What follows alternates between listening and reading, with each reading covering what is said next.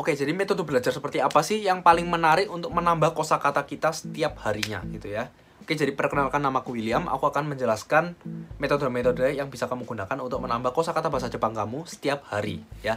Jadi yang pertama yaitu kamu bisa ambil catatanmu dan catat semua kosakata yang kamu lihat dari anime atau film-film Jepang gitu ya.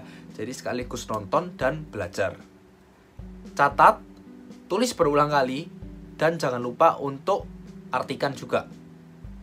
Yang kedua, dengan membaca novel, koran, atau bacaan apa pun dalam bahasa Jepang ya. Ini merupakan cara belajarku yang aku gunakan dulu waktu aku persiapan untuk tes bahasa Jepang ya. Jadi aku beli novel, aku beli buku psikologi atau buku apa pun yang aku tertarik dalam bahasa Jepang semua. Jadi yang tebel-tebelnya segini, itu aku catatin satu-satu per halaman demi halaman, kosakatanya apa aja satu hari aku targetkan baca sekian halaman dan aku harus selesai. Nah, itu salah satu cara untuk mengembangkan kosakata bahasa Jepang. Nah, yang ketiga yaitu melalui um, berita, ya, melalui berita. Kamu dengarkan berita setiap hari dalam bahasa Jepang, dan itu bisa menambahkan kosakata yang kamu tidak ngerti, ya, yang kamu dengar dan kamu tidak ngerti. Lalu kamu catat dan kamu artikan gitu. Dan itu bisa menambah kosakata kamu secara cepat dan pesat. Ya.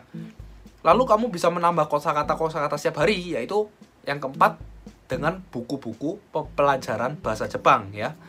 Nah, beli aja buku-buku pelajaran bahasa Jepang yang isinya kosakata-kosakata dan kamu bisa targetkan misalnya satu hari kamu hafal ya 250 kosakata lah atau tuh 300 doang. Nah, habis gitu kamu ulangi lagi besoknya. Habis itu kamu ulangi lagi gitu.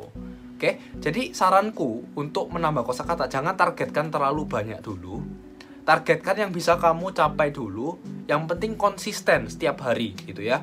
Mending kamu hafal dikit-dikit tapi kamu laksanakan setiap hari daripada kamu hafal langsung banyak tapi kamu gak konsisten atau kamu cuma satu bulan sekali gitu itu percuma mending kamu setiap hari tapi konsisten itu kamu lebih nyantol gitu. Jadi kalau prinsipku itu mending kamu berkembang satu persen lebih baik daripada kamu yang hari sebelumnya daripada kamu berusaha untuk berkembang 10% tapi kamu tidak konsisten itu sama aja. Oke. Okay. Oke, okay, jadi siapkan satu kos, uh, satu note untuk kosakata, khusus kosakata sehingga kamu bisa catat kosakata kosakata asing yang muncul di sekitar kamu. Gitu, oke? Okay? Jadi semoga ini membantu. Silahkan share ke teman kamu bila ini membantu dan jangan lupa untuk subscribe Pocket Nilonggo.